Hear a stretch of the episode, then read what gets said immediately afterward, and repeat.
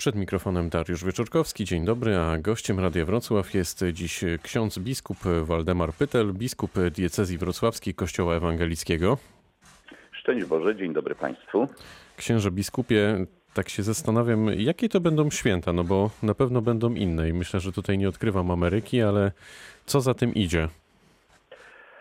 Ja sądzę, że e, to, o co tak co roku prosiliśmy, o czym mówiliśmy i czego życzyliśmy e, sobie, to w jakiejś wymiarze się spełnia. Bo zawsze życzyliśmy sobie, żeby to były inne święta, e, żeby były to spokojniejsze święta, spokojniejszy czas, żebyśmy mieli czas na refleksję. I oto okazuje się, że tego czasu na tą refleksję mamy aż, aż nadto, sądzę. No a koronawirus, który jest tematem numer jeden od kilku tygodni, nie tylko w świecie, ale przede wszystkim w naszych domach, dotyka to każdego z nas, każdego człowieka. I myślę, że faktycznie to słowo inne, inne święta, inne przeżywanie będą w tym roku y, miały rzeczywiście swoją wartość, bo, bo będzie to inny czas, inny czas przeżywania. No jak w tej sytuacji z jednej strony przeżyć y, duchowo święta, a z drugiej wytrzymać kolejnych kilka dni w domowej izolacji? No właśnie, to jest też zadanie y, Kościoła poniekąd, który już od kilku tygodni miał czas, aby przygotować do tych świąt swoich wiernych. My w naszej diecezji, w naszym, w naszym kościele nie, mamy kontakt y, z wiernymi poprzez łącza internetowe. I od razu byliśmy zdania, że należy podjąć bardzo konkretne decyzje. Od połowy marca E, nasze kościoły są e, zamknięte dla wiernych i tutaj jesteśmy bardzo konsekwentni w tym wypadku, ponieważ e, chodzi nam przede wszystkim o, o zdrowie człowieka, o, o zdrowie też naszych wiernych. Można przygotować się i, i, można było do tych świąt przygotować się, dlatego że, że od wczoraj już je praktycznie rozpoczęliśmy w sposób faktycznie taki, który pozwala nam na przeżycie tych świąt. Y, z jednej strony, bo y, jest czas, żeby wziąć do ręki y, Biblię, żeby poświęcić trochę czasu na modlitwę, żeby porozmawiać w swoich domach ze swoimi bliskimi,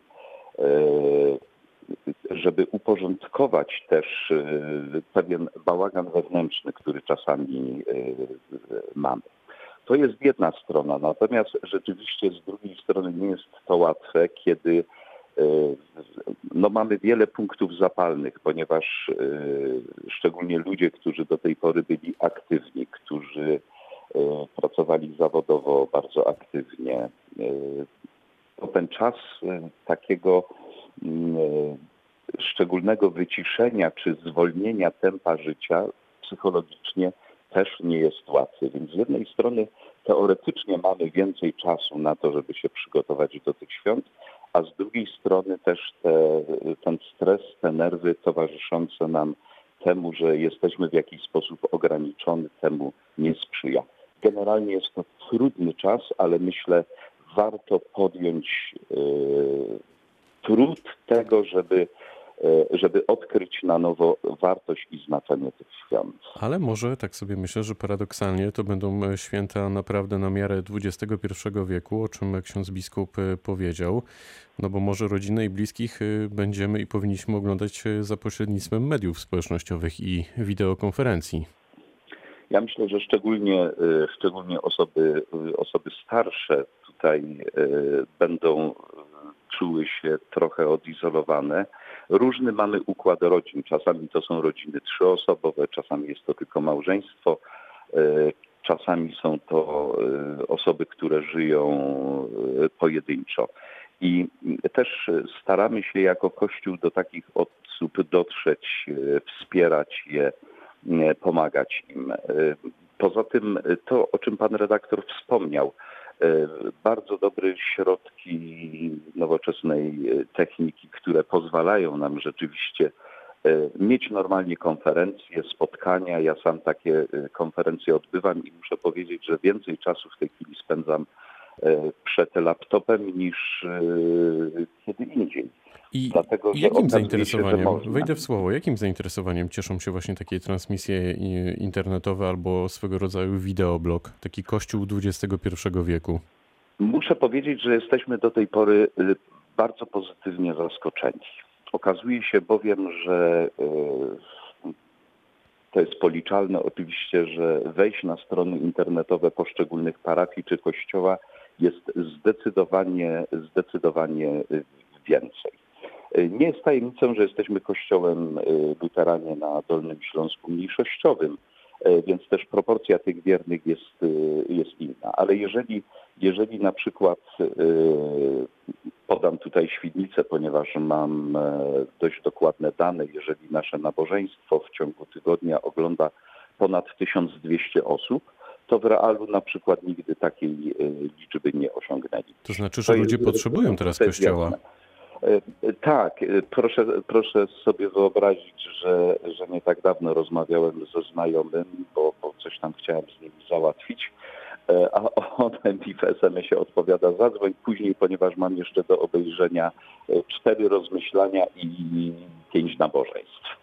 Także to świadczy o tym, że y, to oczywiście y, taki mały żart, natomiast to świadczy o tym, że jeżeli y, poszukujemy i chcemy takiego duchowego wsparcia, a myślę, że mm, ten czas podwójnie takie pragnienia wewnętrzne generuje, no to Kościół dzisiaj też musi być na to otwarty i musi też, czy powinien właściwie ludziom to, to dać. To jaka nauka może płynąć z tej całej historii związanej z koronawirusem?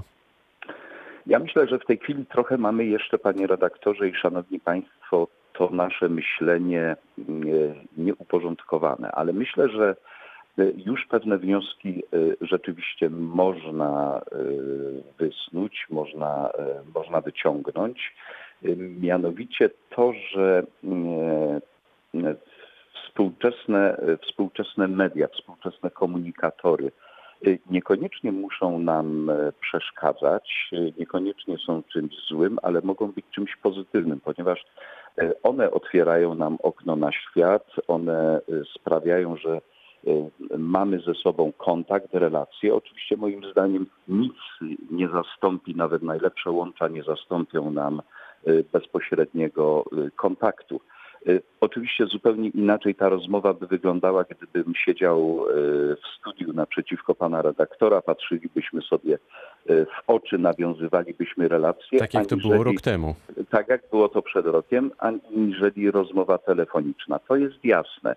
Ale z drugiej strony prowadzimy lekcje nauczania kościelnego, tak jak dzieci mają, czy młodzież, czy studenci mają e, zajęcia e, poprzez, e, poprzez internet, poprzez różne, e, poprzez różne łącza.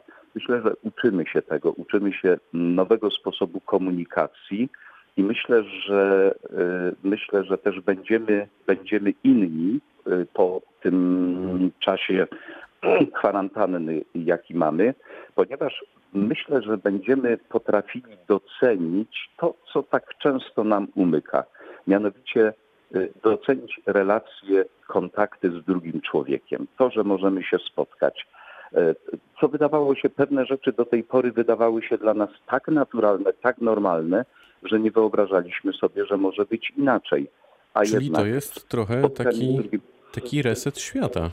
Myślę, że, że to jest tak, to jest dobre określenie, reset świata i e, e, myślę też, że będzie to powrót do, e, do dobrych wartości, wartości relacji z drugim człowiekiem, docenienia tego, że mamy e, rodziny, e, nie tylko te, z którymi mieszkamy, że mamy przyjaciół, z którymi powinniśmy się spotkać, powinniśmy pielęgnować kontakty, relacje, powinniśmy budować jednak inne też społeczeństwo, e, takie bardziej empatyczne, bardziej wrażliwe. Chociaż z drugiej strony to jest piękne, że ta wrażliwość rzeczywiście w stosunku do drugiego człowieka, ona ma miejsce i jesteśmy też bardziej skorzy do tego, żeby drugiemu człowiekowi w tych trudnych czasach pomóc.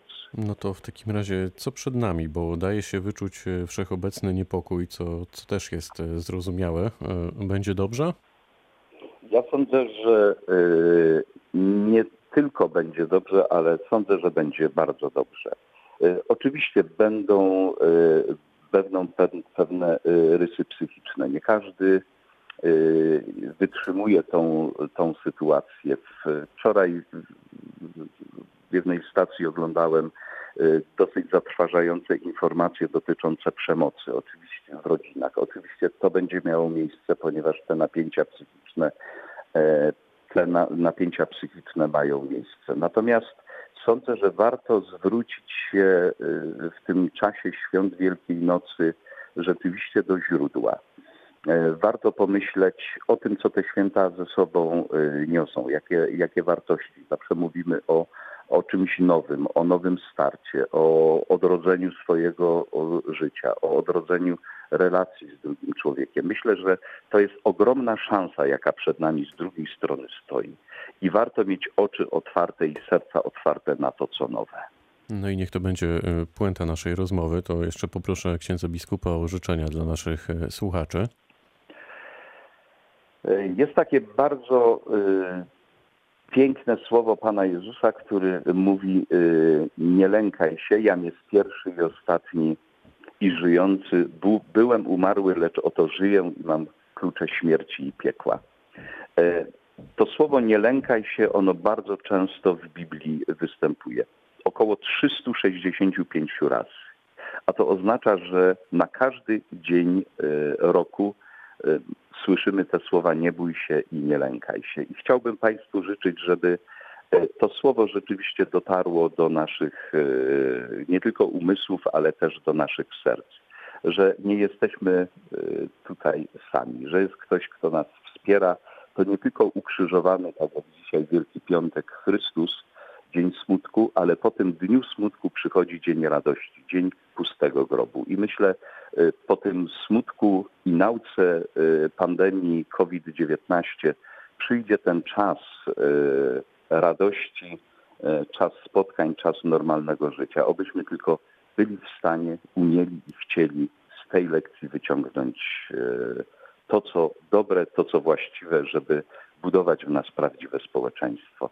Życzę y, panu redaktorowi, życzę wszystkim radiosłuchaczom y, błogosławionych, pełnych spokoju, piękna i radości świąt y, Zmartwychwstania Pańskiego. Powiedział ksiądz biskup Waldemar Pytel, biskup diecezji wrocławskiej Kościoła Ewangelickiego, który był gościem rozmowy Dnia Radia Wrocław. Bardzo dziękuję. Dziękuję serdecznie, wszystkiego co dobre życzę. Pytał Dariusz Wieczorkowski. Dobrego dnia.